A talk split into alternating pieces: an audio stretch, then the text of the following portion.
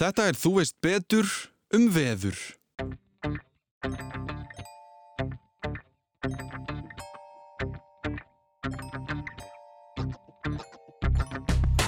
Og það var þannig í setni heimstyrjöldinni að það var hægt að útarpa veðurfregnum frá ríkistorfinu. Fimmdagarspáin núna, hún er jafn áraðanlega eins og bara sólarhengsspáin var fyrir 20 árum. Möndulhalli jarðar, sólinn og síðan sko land versus sjór er í raun að vera ástæðan fyrir öllu veðri. Mér líður eins og að það sé að verða venja í byrjun þáttar að ég nefni að umræðefni þáttarins í þetta skiptið sé allt um líkjandi og það verð ekki hjá því komist að eiga við það í hinnu daglega amstri. Íslenska krónan, vatn, vegakerfið, bara alltaf nefna nokkur dæmi en einhvern veginn grunna mig að í þetta skiptið séu við komið niður á fyrirbæri sem saminar okkur öll. Þú getur sleppti að nota íslensku krónuna og nota frekar stafræna gjaldmiðla, held ég, minnst og kosti. Þú getur drukkið bara gós, sem er þó alltaf búið til úr vatni líka og sleppti að fara í sturtu eða þau eða þeir hendunar. Þú getur jafnvel flutt eitthvað lengst út í sveit og haft það þannig að engin vegur leiðir að húsinuðinu. En það er ekki nokkur skapaður hlutur sem þú getur gert í veðrinu. Það kemur og fer og er bara eins og það er, hvort sem okkur líkar betur eða verð.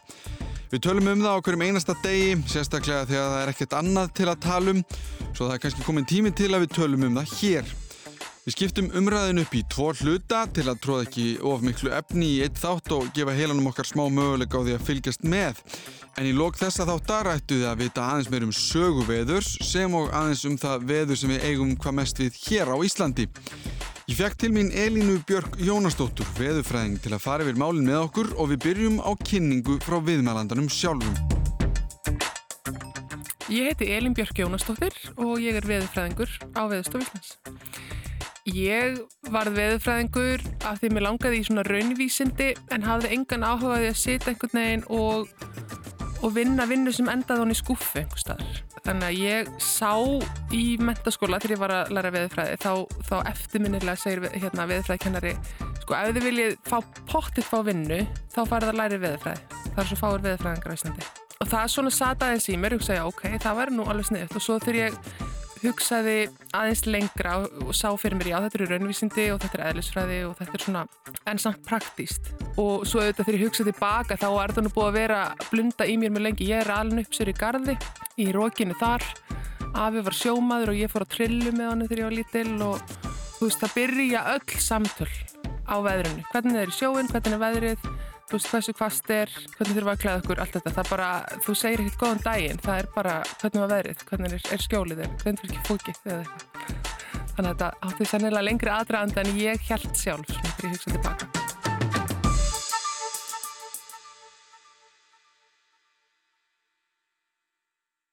Veðurfræði heitir á ennsku meteorology sagt, sem að hljómar svolítið eins og þetta sé svona game eitthvað. Svona eins og loftsteina Já, vakt, og sko. það kemur sko frá forn grekjum af því að einhver af þessum, nú mann ég ekki hver það var en einhver af þessum, þú veist, Aristótel eða einhver, sko, reyna að útskýra veðrið með því að þetta sé eitthvað sem gerist út í geimi það er náttúrulega sólinn og, og svo eru skíin og, og á þessum tíma fórt grikki þá ber fólk kannski ekki skinnbragð á hvað er svona nær og hvað er fjær þú veist, við erum ekki búin að fatta, það er ekki búið ykkur alls konar og, og þess vegna er sagt, veðurfræði kendi við í raun og veru loftsteina eða, eða sagt, þetta voru svona svipið um stalli Það sé bara eitthvað því. Já, Já. líka það, auðvitað eins og norðurljósinn og, Já, og, auðvitað. hér- og stjörnurnar og, og tunglið og allt þetta. Og svo held ég, ég var nú bara að rifjað upp, ég var að lesa hérna einhverja Íslandikasögur með sinni mínum sem er í, í, í hagaskóla og, og það er auðvitað fjallað um veður, auðvitað það þurft að sigla eftir hagaseglum eftir vindi á vikingatímum og, og ég er alveg handviss um að allir svona fornir ættflokkar, hvort sem að við sko hugsaum um, þú veist, Aztek Indiána, nei, hérna, já, Aztekana eða Indiánana eða forngrikkina eða frumbyggja í Ástralíu, þú veist, það eru allir menningaheimar með sínar útskýringar á veðrinu, af því þetta er svo mikið við, þú veist, þetta er allt um liggjandi þetta hefur svo ofsalega áhrif og við, okkur finnst veðrið hafa mikil áhrif á okkur núna, sem það vissulega gerir.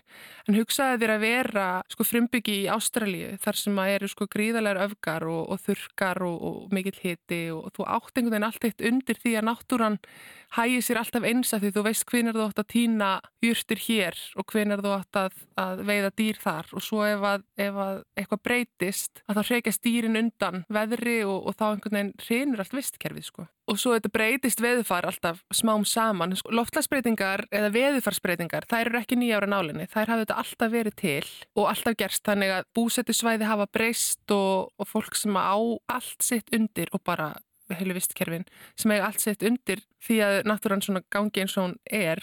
Þú veist, ef verð einhverja breytingar þá breytist allt. Þú veist, e, einhver tegund deyr út og önnur nærist betur eða eitthvað slíkt sko. Mm og viðfarsbreytingar hafa bara alltaf verið hluti af náttúrunni þó að það séu ofsalega mikið upp á borði núna. Núna er það hraðin á breytingunum sem að er mannfólkin að kenna sem að gerir þetta allt svo katastrófist að því að við erum ekki vön og náttúran er ekki vön að breytast svona hratt. Mm -hmm. Þannig að þessi svona eðlilegi fasi þróunar kannski sem að hérna plöndur og, og dýr og náttúran hefur einhvern veginn haft tíma til að þróast svona smám saman sko. Mm að við erum búin að kippa fótunum svolítið undan, undan því með því að breyta loftslæginu, þú veist, jafn mikið á hundra árum eins og gerist kannski á þúsund árum áður eða mm -hmm. eitthvað svolítið sko. Já, þetta er eins og ég talaði um loftslægi hérna en daginn og þá var þetta, jú, þetta er einhver eðlega lúpa sem er jörð, jörðin og, og all, allt sólgerðu er í en við já. erum bara búin að dæla svo mikið í við erum eiginlega búin að henda okkur út úr lúpunni og já. hún er einhvern veginn allt, allt öðru síðan Við erum búin að aflaga hana sko já. en þarna fyrir löngu, löngu, löngu síðan sko að þá auðvitað var það líka hluti af keðjunni auðvitað breyttist eitthvað þess vegna var auðvitað erfitt í ári og ég mm. hugsa bara, sko, að maður les bækur eins og hérna Vilborg Davíðsdóttir skrifaði um auði og þú veist að það eru fleiri svona bækur hérna reysubókuviðrunar og svo bara hérna um Íslandinga fyrir 200-300 árum, sko, þetta var svo ofbáslega mikið hark og, og af hverju var þetta hark?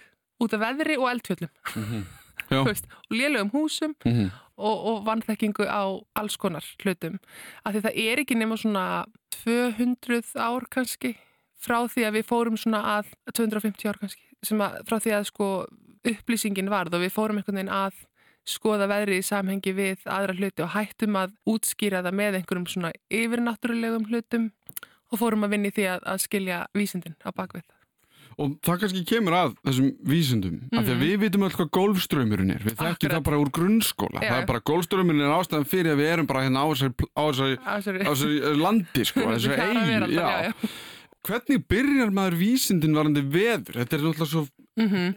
gigantíst dæmi sem þú ætti að byrja að pæli í.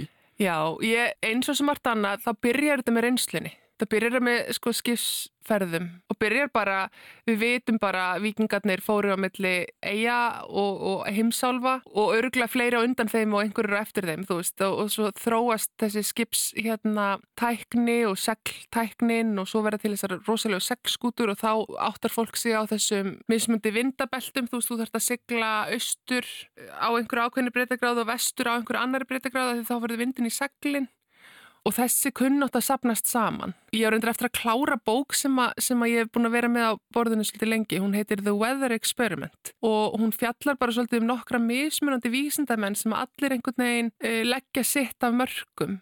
Einn er að horfa upp í heiminin og er að spá í skíafar og, og verður var við að það breytist veðrið þegar ákveðin skí koma veist, að landi. Að þau, þú veist, svona skí fylgir síðan svona veður og svo gerist þetta og þá fylgir svona veður og hann skráður þetta allt saman hjá sér og fer að búa til skíaflokka. James Glassier, hann var breskur vísindamæður, hann fær einhvern svona rosalega áhuga á flugi og, og fer að fara upp Sýnstu, hann er alveg sannferður um að sko að lausnin á bakvið lofttjúpin sé að finna í sko sniðinu frá yfirborða og upp í, upp í geim. Þannig að hann fór sko rosalega hátt ánsúrefnis í loftbelg mm -hmm. að gera mælingar og komst að því að hiti fellir með hæð og loftkristingur fellir með hæð og það var risa stór uppgötun að vita allt í náða að þetta er ekki einsleitt andrúslofti er ekki alveg eins allaveg upp á fjöll allaveg hann er að átta sig á þessum kerfum sem já, eru já. Já. og hann tó, tók dúfi með sér alltaf. Og þegar dúfinar loknaðist út þá var hann komin í súrefnistöru og þurfti að fara niður.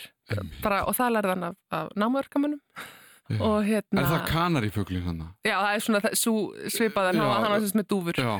Og hérna, það var gerð kvikmyndum mann sem heitir hérna The Aeronauts, hún er nú svona náttúrulega stíliseruð og færið eitthvað í stílin en um, um þetta, um þetta mm. æventýri sko.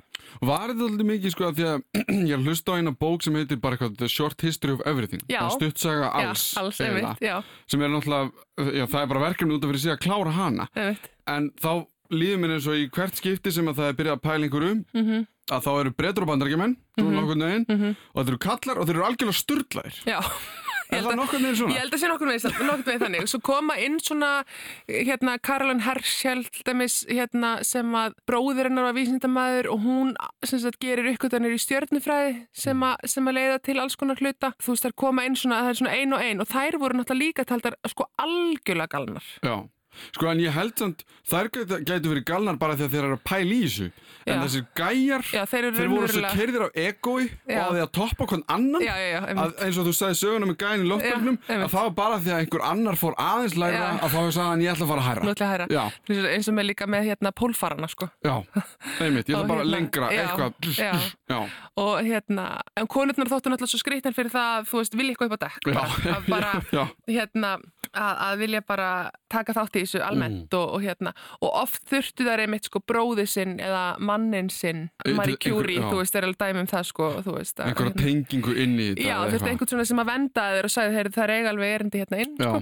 En, en hérna, en já, þetta eru auðvitað upplýsingin og upplýsinguöldin, hún verður auðvitað voru mikið til í Evrópu og, og síðan í bandaríkjunum þegar, Evrópu búið fara að flytja til bandaríkjana þá einhvern veginn það bara springa öll vísindin út. Og það, veðurfræðin er alveg þeirra á meðal. Mm. og ég held að veðurfræðin hafi verið sko fremst meðal jafningja mér víða af því að hún hefur svo mikil áhrif það vildi allir vita það, já, þetta Já. veist þótti, það, þótti mikilvægt að geta að spáð fyrir um, þú veist að þetta verið skipskaðar til dæmis alveg rosalega blóðtaka fyrir alla og hérna, og það, fólk vildi geta spáð fyrir um veðrið að skilið að mista kosti hvernig það geti komist undan og svona þarna 1850 til 1900 er, er gríðarlega sprenging og svo svona framar af sko 20. öldinni að þá er alveg svakalega mikið að gerast og sko veður var til dæmis hernaðlega rosalega mikilvægt já, þessi bara í fyrir heimstyrildinni Já, og setni heimstyrjöldinni. já, ok, Og það var þannig í setni heimstyrjöldinni að það var hægt að útvarpa veðurfregnum frá ríkistorfinu. hérna Hérna.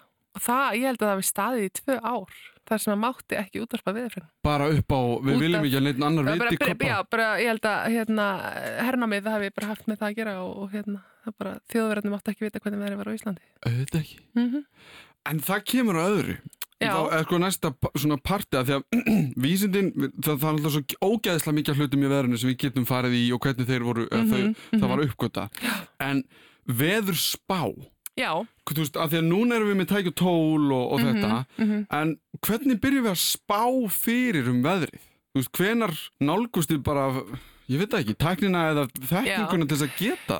Sko, tæknin byrjar í raun og veru þannig að við fyrir að mæla veður, eða þú veist, mæla aðtöðanir, gera aðtöðanir, mæla loftþrýsting, mæla hita, mæla regningu og þetta, sko, líta upp bara, nú er svona skíafar, þá er þú veist svona vindur og svona hiti og svo breytist skíafarið og hitin og vindurinn breytist með og örgulega bændur og sjóminn hafa örgulega verið í raun og veru löngu búin að búa sér til svona huglagt líkan af því hvað væri að gerast Mhm. Uh, löngu áður en að vísindamenn voru komnir eitthvað af stað með að búa til, búa til alvöru tölvulíkon.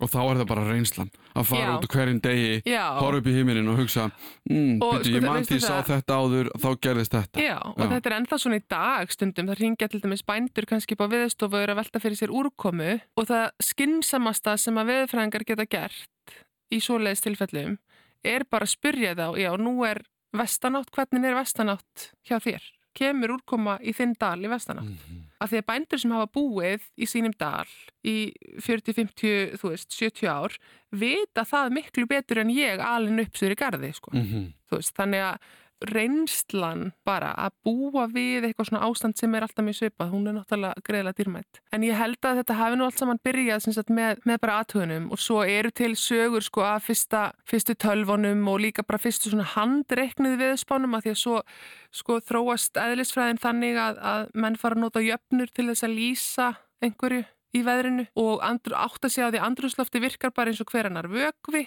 hann er bara, kvik, eh, bara kvikara, þú veist, þetta er bara efni sem flæðir Mhm. vindarnir uh, hérna færa til að það er eitthvað í skíjónum. Það eru gerð úr einhverju. já, já, já. Og, hérna, og ég er svo rosalega flott myndband, maður getur alveg fundið þetta á YouTube, það sem, sem er tekið af einhverjum fjálstindi og það eru þókuskí og svo er búið að sko hraða eins á myndbandinu. Og þá allt einu sér maður að þókuskíin halda þetta bara eins og að horfa á öldur á hafi. Mhm. og, og þaðan kemur þetta, veist, þetta sem við tölum oft um þegar sérstaklega við erum að kenna, kenna veðurfræði þá þarf maður að fara bara í svona vökvæðilisfræði og fólk er eitthvað hvað, okkur þarf ég að læra vökvæðilisfræði, ég er að fara í veðurfræði, það er bara því að hérna, lofthupurinn hefði sér nákvæmlega eins og vökvi Þetta er alltaf allt bara umbreyting á vöku. Einhvers konar. já. Já. og þetta hefði sér alltaf eins þannig að, þannig að það er þetta yfirfæra svipaðar lausnir á þú veist, hafið og lofthjúpin svo breytur bara það náttúrulega ekki jafn mikið hérna, þyngd í lofthjúpnum og ekki selta og eitthvað svona, það er eitthvað svona aðeins mismyndi en, en smám saman að þá svona sko fyrir við hann að tökum að þessu að, að skilja hvernig lofthjúpurinn hefði sér og gera betra og betri mælingar og svo fara tölvurnar, veist, svo er það an, önnur vísindi sem að hérna sem að koma til og til dæmis eh, fyrstu tölvurnar sem koma til Íslands sko Háskóli Íslands fekk eina og Veðustofa Íslands fekk eina. Og þetta er þá í kringum hvað, 70 og hvað? Já, 65, Já. 70 eitthvað svo held ég. Já, þegar ég, ég var að taka viðtalið mörtu Kristínu í, í, í tölunafræði og þá var Já. mitt að tala um fyrstu töluna. Já. Mér myndi að það hefði verið eitthvað. Já, Það var þannig. já, Og er það þá, sko, urðu til jöfnur, eins og Mhm, þú talar um, mhm. þú veist, varandi uh, loftyrsting og hita og svona, mhm. sem gáttu verið heimfærðar yfir á bara allt, eða þú veist, það bara þetta hittast í eitthvað, nú er ég að fabulara já, aðeins og ég kunni, viti hvað, um hvað það snýst um, en þú veist að það sé bara að þessi skilirði gefa af sér þetta veður Já. og það er heimfært og getur og gerist allstaðar Já. þessi skilirði koma. Já, já. Og, og það er í raun og veru pælingin sko. Mm. Og svo skiptir svo mikið, miklu máli svona upphafskilirðin. Og við erum orðin svo flink núna í COVID sko að vita að þú veist, hérna líkanið um, um spátnar, um hvað sem er COVID tilfelli Mm hérna kæmi, það skiptir svo miklu máli hvernig staðan er og hvernig útbreyslan er og hvernig hérna uh, hversu margir mega hittast og allt þetta. Og þetta þarf alltaf að fara inn í líkanið og það þarf að þú veist, þá er hægt að gera einhvers konar spá. Og svo breytast einhverja forsendur það var ringað eða hert á Mhm. og þá breytast fórsendurnar fyrir líkaninu og veðurlíkun virkar náttúrulega bara alveg eins að sagt, þau, við þurfum að vita upphafsástandið, til dæmis bara veðri klukkan nýjum morgun, til þess að geta reiknað okkur áfram hvernig veðrið verður þá klukkan nýju í fyrramálið. Og fyrstu áratugina þá var í raun og veru það sem hefti sko, gæði veðurspána sannilega hvað mest var bara að það voru svo fáar aðtöðanir. Fáar aðtöðanir og svo auðvitað var lítið reikniafl og, og við vorum bara að, að byrja En, en það hefur orðið algjör sprenging í sko nákvæmni veðurspáa síðustu 20 árin og það má þakka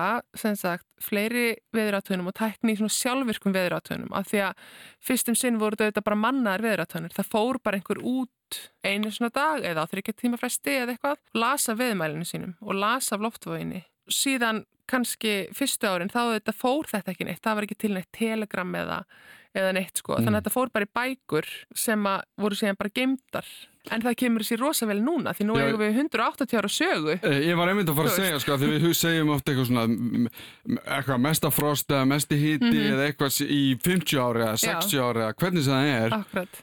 Og þá hugsa ég alltaf að það hlýtur þá að vera bara einhver sem hefur verið bara að skrá niður mm bara fyrir 100 árum Já. eða eitthvað Já, og sagt bara, já ég er bara að gera þetta. Einmitt. Og bara, og það er nú gaman að segja frá því sko Íslandika voru náttúrulega svolítið aftarlega meirinni ég man að ég fekk alveg áfallir í lasi þjóðminnisefninu, þú veist, hvenar hjólið kom til Íslands, skilur hjólið, bara Mm. kom til Íslands bara sko einhvern tíman eftir miðaldir eða eitthvað, Mhm. það bara var ekki, voru ekki hjó, vagnar, eða skilur það bara einhvern veginn hjólið var ekki komið til Íslands fyrir en ég veit ekki hvenar, mér finnst alveg furðulegt með að hvenar hjólið var fundið upp, sko en hérna, tíma að það líka.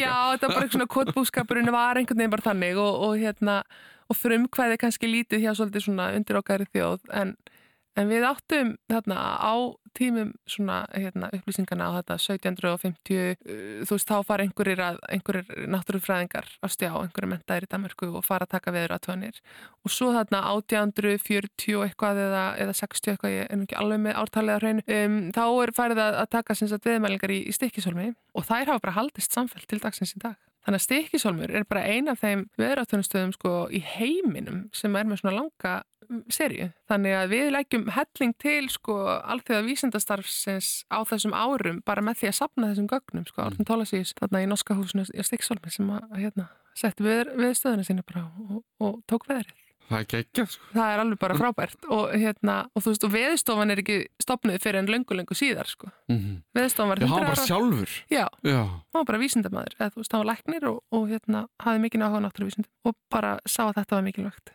Það er eiginlega ennþá merkilega. Enginn hafi sagt honum að Já, já, einmitt. En hvenar er samt viðstofan, Veðstofan er stopnuð 1. janúar 1920, veðstofan átti sem sagt 100 ára afmæli síðastari Mm. og það átti að verða þvílíkt afmælisár sem að náttúrulega fór bara aðeins Út um veður og vind. út um um Mm. En, en alltaf leið með það, við, við gátum samt gert alveg helling Já, já svo ég kláraði sem við erum talað um á þetta með veðspátnar, Mm. þú veist að það var auðvitað hérna, svona annmarkja veðspám upphaflega, hvað voru þú veist, fára aðtöðanir og hvað voru lítið reiknefl og, og við bara vissum lítið og svo bara þróast þetta jæmt og þétt og svo verður þessi sprenging þegar tölvurnar fara að koma og svo þegar að verða til ofurtölfur þú veist, þá þegar við getum alltaf að fara að tengja saman fullt, fullt af tölvum til þess að reikna hraðar Mhm. að þetta er alveg, alveg rosa massi af kóða sem þarf að fara yfir og, og síðan fjölgar viðstöðum með þessum sjálfstæð, hérna, viðstöðum og síðan nefnilega fyrir að skjóta upp veður tunglum senda sem sagt, sko, gervinetti. gerfinetti á sporbög um jörf sem, sem að taka myndir fyrst bara af veðurkerfunum og núna eru sko, veist, þetta, þetta er alveg, alveg fáran, veist, við getum lesið ölduhæð út á hafi frá, frá gerfutunglum og við getum lesið bara hitastig, sko, á jöklum og þykkt jökla og þú veist, það er búið að bara, tæknin hefur fleikt svo svakalega fram. Og þannig að núna til dæmis í fyrsta skipti höfum við alveg ofsalega góð gögn um sko heimskautasvæðin, bæði norður og söður heimskautin sem við höfðum aldrei þegar þar bjó engin eðlilega og gæti ekkert, þú veist, það var engin sem var að taka veðuratúnir þar eins og í stikkishólmi en núna erum við farin að fá gögn þaðan.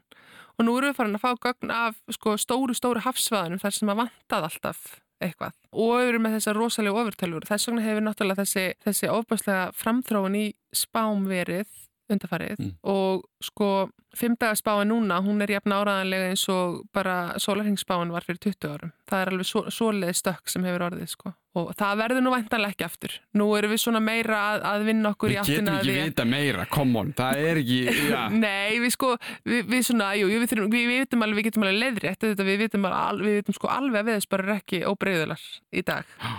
En þú veist, við En viljum veðrið er alltaf sem bara meira. veðrið Já, og við getum mælt og mælt og mælt og spá er alltaf spá. já, og spá var alltaf spá og síðan bara gerir móðin, ná, móðin áttur eitthvað annað. Algjörlega, sko, já, já, já. Og, og hérna, og við erum þetta ekki með einhvern svona fullkomin skilning á öllu, ekki ennþá. En ef maður hugsaði bara þessi hundra ár tilbaka, veist, þá erum við náttúrulega komin bara einhverjum ljósárum frá stöðinni sem var þá. Mhm. Þá var kannski gerð bara 12 tíma veðurspá eða eitthvað og hún var bara gerð út frá einu Íslandskorti, við fengum einhverjur örfáar aðtuganir frá einhverjum vitum í kringum landið og þá var í raun og veru bara svona einmitt, eh, sko með reynslunni, ok, nú það er hérna sunnanátt og loftvóin fallandi og þá er líklega að koma lagðalandinu sem þýðir að það hvessir. Mhm. Eða, eða þú veist, það er norðvestanátt og loftvóin í Rísandi eða hvernig sem það er, sko, þá er lagðina fjallast. Þannig að það, það hérna, lærði fólk bara einmitt af reynslunni og, og svona, að þessum svona grunnskilningi á hvernig veðrakerfin virka. Af því eins og golfströmmurinn, þá eru líka ákveðnir bara ströymar í, í andrúsloftinu sem að virka bara rosa svipa þeir bara flytja raka og hita úr söðri og norður og flytja kuldan frá norðuri til söðurs Mm. og, og hérna alveg sem með golfströmminu þá er bara náttúrulega alltaf að reyna að halda jafnvægi. Hún er alltaf að reyna að að, að sagt, jafna út hitan og þess vegna er þetta aðstreymi að, að hita og kulda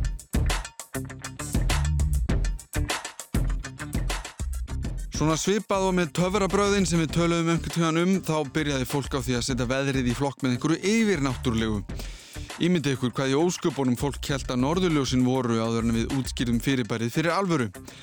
Veðurfarsbreytingar eru ekkert nýjar á nálinni en við erum að skekkja ferlið um of svo að náttúran næri ekki að halda í við okkur. James Glacier uppgötaði fyrstur allra að hiti og loftþrýstingur fellur með hæð með því að fara með dúfur upp í loftbelg svo hann vissi hvenar loftið væri orðið of súrefnis snöytt og þá uppgötaði hann að andrúsloftið er ekki allt eins.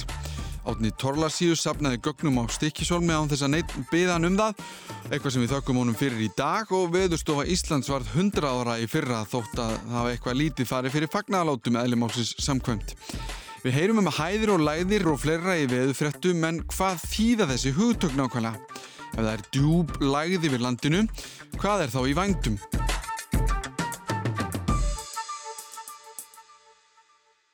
lægðir eru sem sagt bara veðrakerfi, bara loftmassi þar sem að loftþrýstingurinn er lægri heldur en í kring, Ok. einhvers þar í kring. Þannig að, að þú ert í raun og veru með svona einhvers konar trekt og það lækkar loftþrýstingurinn eftir því sem þú ferð að, niður að miðju. Og getur þetta verið bara einhver pollur, bara eins og segjum Mhm. bara, getur verið bara lægð í Moselspæ Já. eða er lægð yfir, þú veist, er lægð rosa stórt Já, hún er yfirleitt stór. Sko við tölum um svona mismöndi skala og sínoptískur skali sem er svona viðfræði orð. Hann er svona á hundruðum kílometra sagt, í þvermáli Mm. og hæðir og lægðir eru á þessum skala, Mhm. svona synoptískum skala. Þannig að það er lægð yfir landinu. Já, Já. eða lægð hérna langt söður sem gengur yfir land og eitthvað svo leið sko. Mhm. Og, og lægðirnar yfirleitt sagt bera með sér eh, einhvers konar breytingu á veðri yfirleitt. Mm. Yfirleitt vind vegna þess að, að hérna vindurinn hann, hann snýst sem sagt rángsalis í kringum lægðirnar á norðurkveli og það hefur með snúning jarðar að gera og hérna, Þannig að eins og kurulbylur bara. já, Já, já. en bara miklu, miklu stærri. Og hverjulbylur er bara lægð, þú veist, en bara á öðrum skala. Og hæðirnar síðan aftur á móti þá snýst undurinn í hina áttina. Maður getur hugsað sér þetta sem svona tannhjól. Ef þú ert með hæð og lægð saman, þá tengjast þær, en snúast í, í sitt hver áttina, sko. Þannig að það er svona eins og tannhjól. Einmitt. Mm Og, Og, og þær verða til bara að því ég hef svo oft verið að labba úti já, og það er rók Mhm. framan í mig já, já, og síðan beigi ég og fer kannski bara í 90 gráður Mhm. ég bara var í alltaf rátt og það er ennþá rók framan í mig já, og ég hef svo oft staðið úti og sagt bara hvaðan er þessi vindur að koma Já, einmitt. af hverju er hann að koma úr öllum, öllum áttum. Það hefur rosa mikið að gera með, hérna, fyrirstöðu bara út af húsum. já, hó- já, og svo les. Þannig að það getur verið, þú veist, ríkjandi. Við mælum til dæmis vind í 10 metra hæð af því við viljum ekki mæla vind við húshótt. af því hann er bara Af því hann er bara alltaf einhvern veginn eins í sama portinu. Þú veist, af því vindur bara einhvern veginn þröngva sér og aftur. Þetta er bara að þú hugsa þetta sem vatn. Mhm. Vatn stoppar ekki. Þú veist, ef þú býr til svona þrautabraut í baðkarinu þínu eða bara í læk, setur fullt af steinum, vatnið hættir ekkert að flæða. Þú veist, mögulega þú hliður stíplu en þá bara en það vatn finnur sér leið það er það bara finnur sér þannig. leið. Og, og hugsaði núna bara vindin eins og vatn. Þú veist, hann finnur sér leið. Mhm. þannig að þó þú sért búin að setja fullt af húsum þá er alltaf einhver port eða einhver bil sem að vindinu kemst inn. Og ef þú sko þrengir að þá bara ekst ströymurinn bara, þú veist, eins og í stíplu eins og í stíplu og þá, hérna, þá hvessir í raun og veru, mm. Þú veist, staðbundi þar já, það er, þú veist, ástæðan fyrir því að veðrið er náttúrulega en allstaðar. Við getum, við, það er ekki þetta byggja heilu hverfin en þess að taka tiliti til þess hvernig það hefur síðan áhrif á vindhraða. Og til dæmis bara nýja hverfi við valsvöllin hefur haft áhrif á sko aðflugskilirði á flugvellinum. út af vindáttum Já, Já. bara út af því hvernig húsin stjórn, þar stjórna vindinu. en þessar lægðir, Já. þessar stóru lægðir Mm hvar verða þær til? Er- Verða þær til, erum við að fá þær einhverstar frá með gólsturunum eða, eða Já, sko það er verða yfirleitt til uh, þar sem að hlýjur og kaldri loftmassar mætast. Og það eru svona þrýr staðir eiginlega á, á hérna norðu kveli, þetta er svona það er ákveði svæði frá 0 til 30 og svo annað ákveði svona svæði 30 til 60 og svo 60 til 90 og þá erum við að tala um breytagráður já. og hérna og við erum á 60 og 60 við erum á 60, og- já, Eða svona. 63 hérna er ekki eitthvað sko. okay. 63 og hérna en við tölum um hérna megin skil eða the polar front hérna á svona cirka 60 af því þar er svo mikið, það er svo mikið aðstreymi af rauk og hlýju lofti frá miðbögg þar sem sólinn skín eða alltaf jafnt og köldu lofti frá, frá norðurkvelinu eða norðurpólunum bara og þar verða átök því þar mæti slýr og kaldur loftmassi og ég var að segja á þennar, jörðin er alltaf að reyna að passa að það sé jafnvægi. Þannig að þá myndast sko svona trekt, þú veist, þá reynir sem sagt hérna heitalofti sem hefur ákveðna einleika og það er dæmis léttara að skjóta sér undir kaldaloftið og kaldaloftið er þingra og reynir, þú veist, sest svona reynir að riðja frá sér.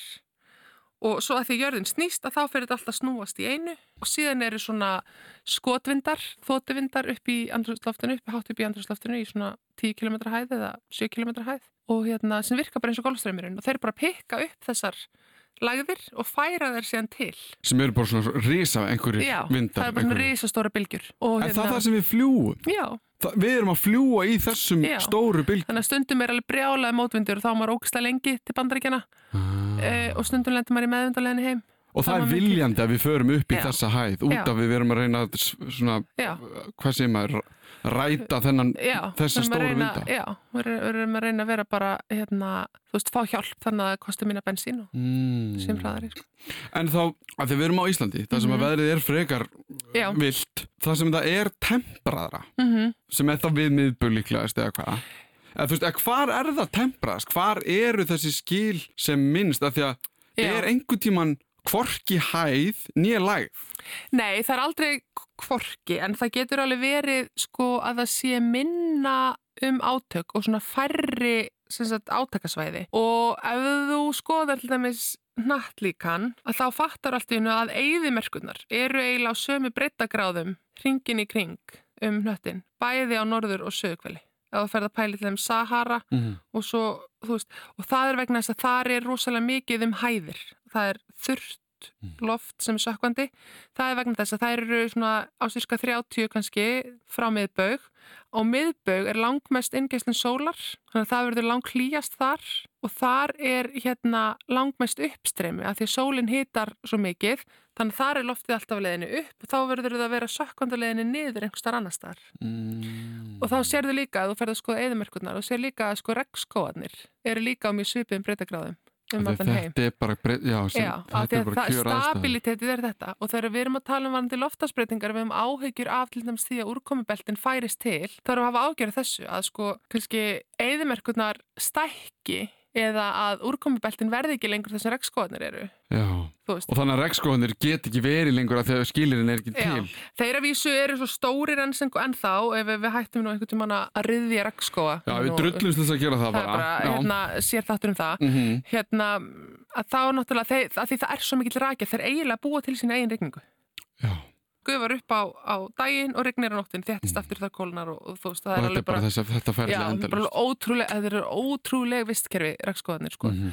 En hérna, já, þannig að það, þetta er alveg líka stabilt, en við erum bara svo náalagt þessum meginskilum þar sem að er svona vond veður út af því að það er alltaf þessi átökum mellir kalda á hlýjaloftsins. Og þú veist, í Skandinavíu og svipiðu breytagráðu á Íslandi er þá er nákvæmlega sama upp á teiningnum. Sérstaklega það sem þú ert með, sko, hafið nálagt. Svo breytist þetta að þú ferð inn í, langt, langt inn á stóru heimsálfunar. Mm. Það breytist veðrakerfi svolítið og svo náttúrulega ef þú ferð þá og finnur risastóra fjallgarða, þá breytir þeir líka Já, að því að fjallgarðarnir kannski standa upp úr rosalega hátt, bara himalagi já, bara fjallgarðurinn breyta vindáttinni. og hann bara trublar ströymin. Mhm. Þannig að hérna, Þannig að þetta er, er þetta kallt loft frá norðurpólum Já. Og heitt loft sem er gólströmmurinn sem er að hittast hann á 60 gráðu já, cirka. en Eða- gólströmmurinn já. er náttúrulega vatn, sko. Já, gólströmmurinn er vatn. já, ok. þannig Ég til þess var ekki alveg viss um það. Nei, gólströmmurinn er sjórin, sko, en sjórin vissulega hitar, sko, neðra borðið af andrúsloftinu. Mhm. en það verður varma, hérna, verða varmaskipti sko upp í andrúsloftið. Og, og við þurfum til dæmis að hugsa um það bara í veðurspánum okkar að hérna, er mjög hlýr sjór þá er kannski líklega úrkoma lendi sem regningan ekki snjókoma. Bara af því að þá er bara sjórin búin að hita svo mikið neðsta lægið, sko. Hann nær því alveg. Ummitt. Og hérna... Og, og, og, þetta eru sko læðir og, og hæðir Mhm. og við mælum þær með loftristir mælum, Já, er það ekki? jú. Þetta, já, Já, svona í grunninn, en eins og svo sjáum við það líka tungl, gerfutunglamyndunum. Þú veist, sem ljósmyndum sem eru teknar út út, út úr geim. Sko, bara út frá skýjum. Já. Já.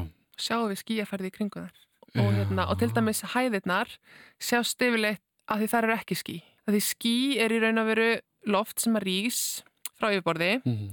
svo er ákveðið mikill raki í og eftir því sem að það kólnar að því að við vorum búin að, búin að finna út úr því að hann glassier sem að fór hann í loftbelgnum og fleiri, fund út úr því að, að hiti lækkar með hæð kólnar alltaf eftir því sem ferði upp á fjall sko. Mm. og eftir því sem að kólnar meira meir þá þjættist meira meira andrúsloftið Og og svo á endanum þá, þá þéttist það í regndrópa og þá myndar það ský. Þannig að við vitum sagt, að hérna, þar sem að loft er að rýsa frá, frá yfirborði og upp og myndast ský að það eru í raun og veru sannlega lægð í miðinu sko, og skýin í kringum hana. Mm. En hæðirnar, því þar er loftið vilt að sökka til jarðar, að þá er það hlýna þegar það hlýnar á leiðinni niður Mhm. og þá þotnar allt upp sem að er, þú veist, þá hlýnar og hlýnar og hlýnar og þá þotnar skýin upp. Og er mikið um uppgufun, uppgufun hér, að því við tölum um Mhm. miðbaug og Mhm. regnskóan og þetta, að að það er eitthvað þurrt Mm loft á Íslandi, -hmm. er það ekki? Já, innan dyr allavega, því við kynntum svo mikið. Já, því, já. Já.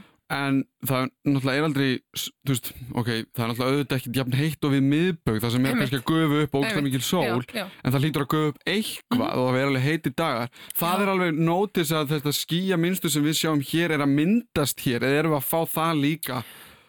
Sko síðdegi skúrir er rosa gott dæmi um þegar verður svona uppgöfun og, og eitthvað hittnar við yfirborð og síðan á einhvern tíðapunkti þá verður það skýjum fyrir ofan okkur. Mhm. Skúraský eru svona blómkálskýin, svona háreistir bólstrar eru svona svolítið eins og blómkál og stundum ef að það er, þú veist, mjög hlýtt og þú ert að horfa annarkvort yfir sjó eða yfir dæmis eins og sandana á Suðurlandi eða eitthvað slags, þá getur maður bara hreinlega hort og maður bara sér þau vaksa, maður sér bara búblast út Mhm.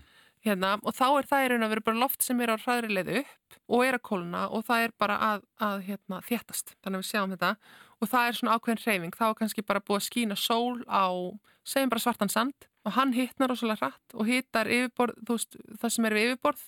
Bara svo reynisfjara eða já, já, eitthvað? og það loft rís og svo heldur hann alltaf bara áfram að hitta og það rís og það rís og eftir því sem það verður heitara og heitar hann allt í kring að þá rís það hraðar. Og, og endan verður til þessi skúraski og svo ef að dróparnir, regndróparnir stækka og stækka af því að það er til dæmis rík sem að sapnar á sig vatni og verður að regndrópa og svo klessast þeir alltaf fleiri og fleiri saman af því þeir eru á rosa mikill hraðferð svona loður eftir upp í skýið.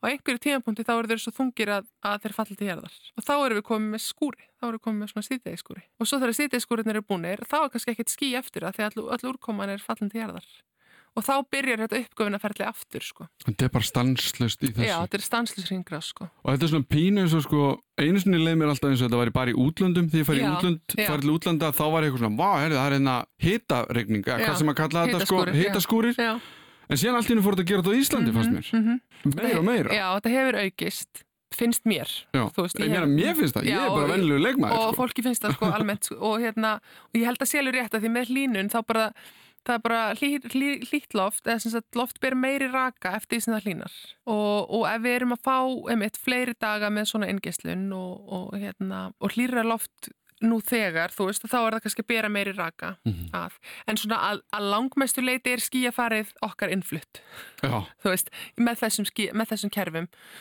Hvaðan? Af því ég pæli stundum í, sko, að því stundum er sagt, það er stormur, uh, ég veit ekki, segjum bara í Breitlandi, Mhm. Eða Noregi eða eitthvað, ég veit ekki, mhm. og það er sagt, og við munum finna af, eða afleðingar eða eitthvað Já. Mhm. svoleiðis af þessum stormi Já, eftir, eftir tvo daga. Já. Já, einmitt. Og þá, þá erum við komin aftur í þennan hérna, loftströym hérna, sem að upp í andrúsloftinu. Af því að, Er hann alltaf eins, nótum nei, hann er nefnilega ekki alltaf eins. Þannig að ef þú ert upp á fjalli og sérð á sem að hlikkjast svona, sem hlikkjast svona rosa mikið, Mm bara eins og ormur, að stundum sér maður að hún hefur náð saman einhver staðar og myndað eigur. Og hérna, og ef þú yfirfæri þetta á vindana í andrúsloftinu, þú veist, þeir eru bara, virka bara, þú veist, þúsund sinnur hraðar. Þannig að það eru alltaf svona eins og á af mjög hröðum vindi sem að hlikkist svona eins og ormur um bæði norður og suðukvelið Og þetta er þessi stóru, og þetta er þessi stóru þótuvindar þóttuvindar, já. og þeir geta líka nefnilega síðan sko, þeir geta verið komið rosa djúpa dali og svona háa hryggi í sig. Og svo einhver tíma þá klippist af og þá fer einhver svona lítil, lítil lægð, svona háloftalagð einhvern veginn á ferð eitthvað. Mm. en þá verða þeir aftur miklu flatari.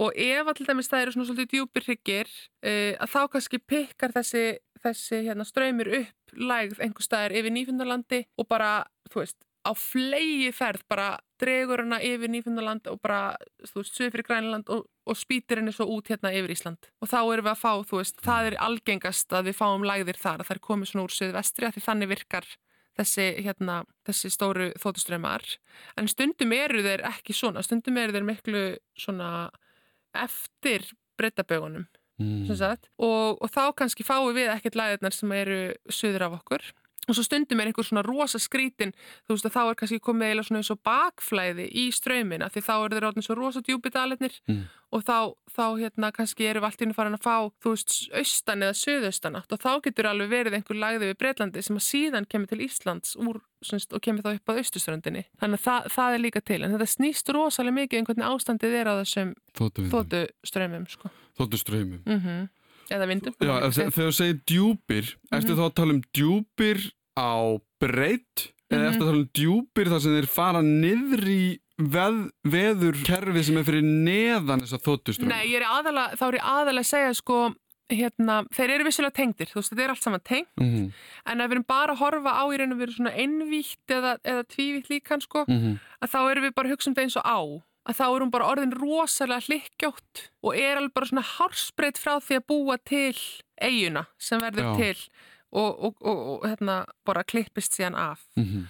Þannig að þetta er bara svolítið svona eins og spagetti Já, einmitt og hérna... og þetta er bara í gangi stanslust Alltaf, þessir bara, og, og eru þe- þessir vindar stærsti spilarinn á þeir, þeir eru markanum svona færibandi sem að flytur, þetta eru svona færiband sem flytja bara læðirnar til okkar. Mhm. svo eru sko, þetta er svo margvítt að því svo eru í raun og veru stærri kerfi sem eru meira bara svona næstu því norður-söður sem, er að- fyrir ofan þetta já, bara, sem eru svona hérna, meira meðalástand og svo eru smerri kerfi sem spila líka inn í og svo spila nefnilega, þú veist, golfströmmurinn og yfirborðseti sjávar og allt þetta spilar með Mhm. Hafísinn, hann hefur rosalega mikil áhrif á þetta Já. þannig að þetta er alltaf samspil hita, mm í raun bara hita Já, og þegar hann, hann lætur hluti gufu upp já, og sko möndulhalli jarðar, sólin og síðan sko land versus sjór er í raun að vera ástæðan fyrir öllu veðri.